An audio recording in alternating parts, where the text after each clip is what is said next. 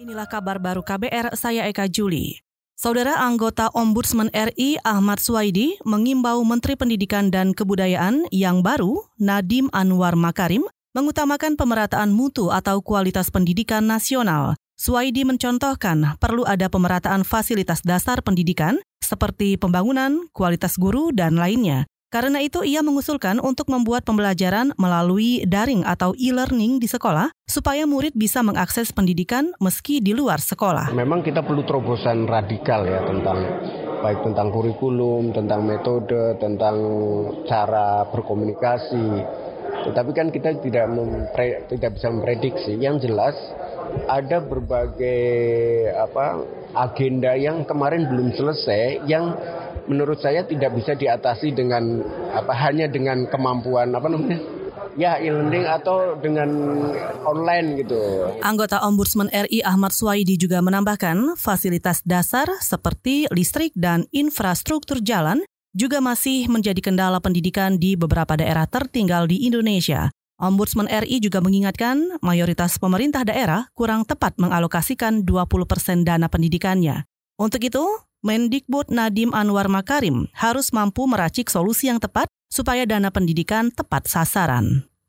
Saudara Basuki Hadi Mulyono tidak tergantikan sebagai Menteri Pekerjaan Umum dan Perumahan Rakyat. Presiden Joko Widodo resmi menugaskan Basuki antara lain untuk mengurusi pembangunan infrastruktur, terutama konektivitas akses dari satu wilayah ke wilayah lain. Menurut Menteri PUPR Basuki Hadi Mulyono, pembangunan infrastruktur tinggal melanjutkan program yang sudah ditetapkan sebelumnya. Untuk bisa melanjutkan pembangunan infrastruktur seperti yang beliau sampaikan di dalam visinya yang kedua, mengkonekkan apa yang sudah kita bangun dengan kawasan-kawasan khusus pariwisata, produksi, kawasan industri. Menteri PUPR Basuki Hadi Mulyono menambahkan, sejumlah fokus yang akan menjadi perhatian dalam pembangunan infrastruktur ke depan, misalnya pembangunan kawasan ekonomi khusus atau pusat industri di Magetan, Ngawi, Brebes, serta destinasi wisata Danau Toba dan Mandalika.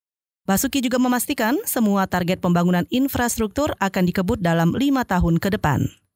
Saudara, hari ini Presiden Joko Widodo memperkenalkan Jenderal TNI Purnawirawan Fahrul Razi sebagai Menteri Agama.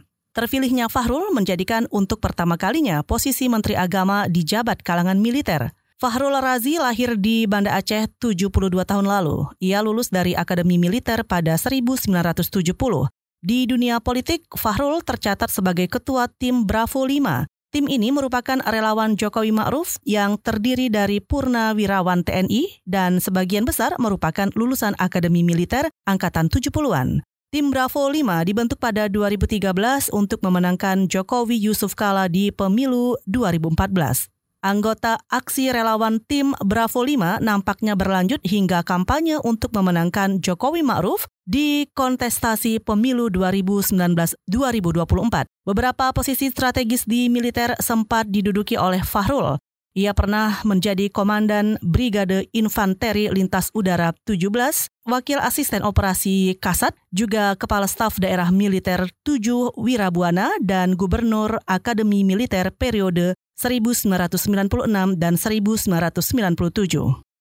Komisi Pemberantasan Korupsi KPK hari ini memeriksa Direktur Utama Perum Perindo Farida Mokodompit sebagai saksi kasus dugaan suap kuota impor ikan. Informasi selengkapnya disampaikan reporter KBR Faralda Kustarini langsung dari Gedung KPK Jakarta. Saudara penyidik Komisi Pemberantasan Korupsi atau KPK memanggil Direktur Utama Perum Perusahaan Perikanan atau Perindo, Farida Mokodompit hari ini. Farida akan diperiksa terkait kasus dugaan suap kuota impor ikan tahun 2019 di Perum Perindo yang menjerat bekas Direktur Utama Risianto Suwanda. Selain Farida, penyidik KPK juga akan memanggil Kepala Divisi Sales Perum Perindo, Aslam Basir. Kemarin KPK sebetulnya memanggil Direktur Operasional Perindo, Arif Guntoro, yang diperiksa dengan kapasitasnya sebagai bekas Direktur Keuangan.